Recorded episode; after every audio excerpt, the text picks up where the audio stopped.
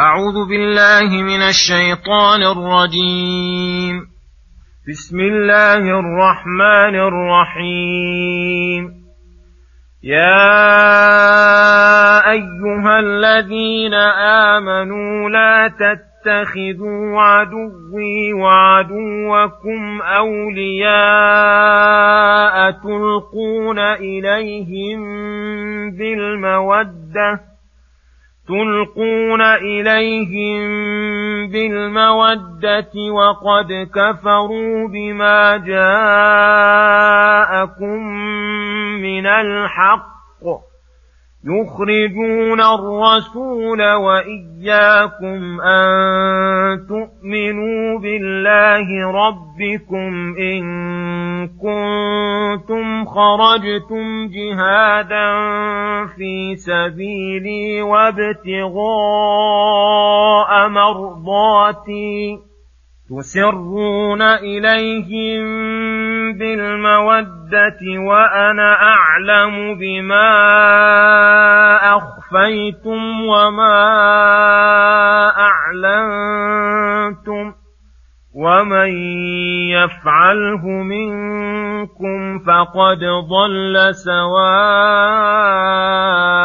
السبيل إن يثقفوكم يكونوا لكم أعداء ويبسطوا إليكم أيديهم وألسنتهم بالسوء وودوا لو تكفرون لن تنفعكم أرحامكم ولا أولادكم. يوم القيامة يفصل بينكم. والله بما تعملون بصير. بسم الله الرحمن الرحيم. السلام عليكم ورحمة الله وبركاته. يقول الله سبحانه يا أيها الذين آمنوا لا تتخذوا عدوي وعدوكم أولياء تلقون إليهم بالمودة. الآيات.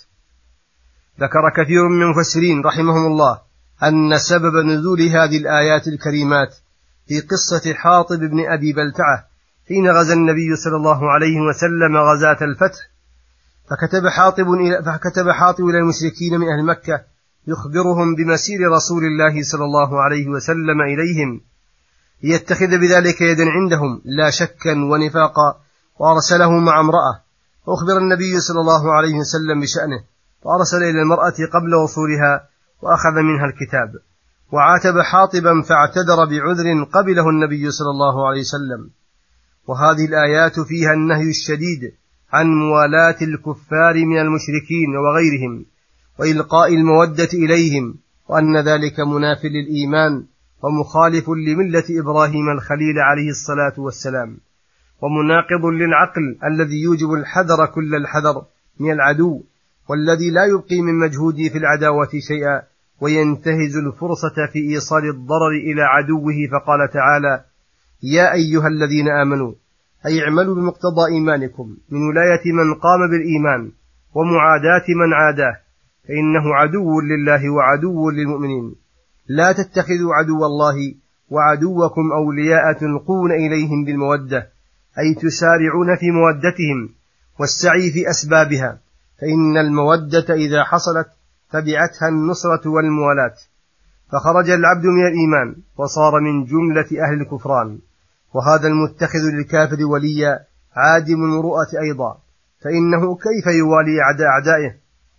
الذي لا يريد له إلا الشر ويخالف ربه ووليه الذي يريد به الخير ويأمره به ويحثه عليه. وبما يدعو المؤمن أيضا إلى إلى معاداة الكفار أنهم قد كفروا بما جاء المؤمنين من الحق ولا أعظم من هذه المخالفة والمشاقة. إنهم قد كفروا بأصل دينكم وزعموا أنكم ضلال على غير هدى.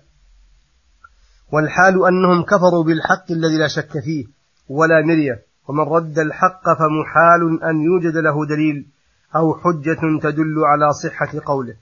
بل مجرد العلم بالحق يدل على بطلان قول من رده وفساده. ومن عداوتهم البليغة أنهم يخرجون الرسول وإياكم أيها المؤمنون من دياركم ويشردونكم من أوطانكم. ولا ذنب لكم في ذلك عندهم إلا أن تؤمنوا بالله ربكم الذي يتعين على الخلق كلهم القيام بعبوديته لأنه رباهم وأنعم عليهم بالنعم الظاهرة والباطنة. فلما أعرضوا عن هذا الأمر الذي هو أوجب الواجبات وقمتم به عادوكم وأخرجوكم من أجلكم وأخرجوكم من أجله من دياركم. فأي دين وأي امرؤة وعقل يبقى مع العبد إذا والى الكفار الذين هذا وصفهم في كل زمان ومكان ولا يمنعهم منه إلا خوف أو مانع قوي.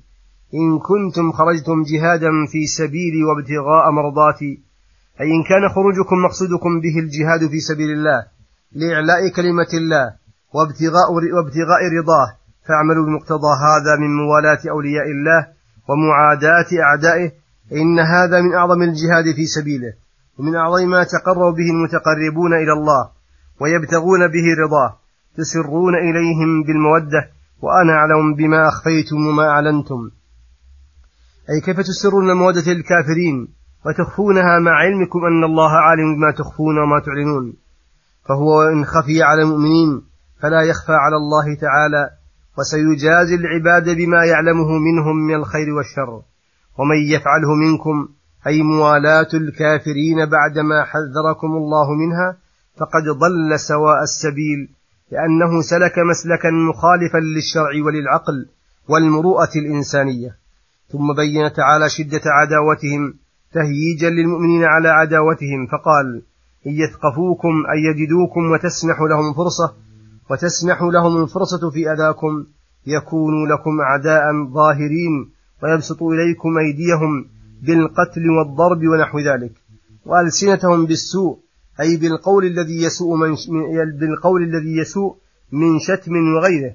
وودوا لو تكفرون فإن هذا غاية ما يريدون منكم. فإن احتججتم وقلتم نوالي الكفار لأجل القرابة والأموال لن تنفعكم أرحامكم ولا أولادكم من الله شيئا. يوم القيامة يفصل بينكم والله بما تعملون بصير. فلذلك حذركم من موالاة الكافرين الذين تضركم موالاتهم. وصلى الله وسلم على نبينا محمد وعلى آله وصحبه أجمعين. وإلى الحلقة القادمة غدا إن شاء الله. والسلام عليكم ورحمة الله وبركاته.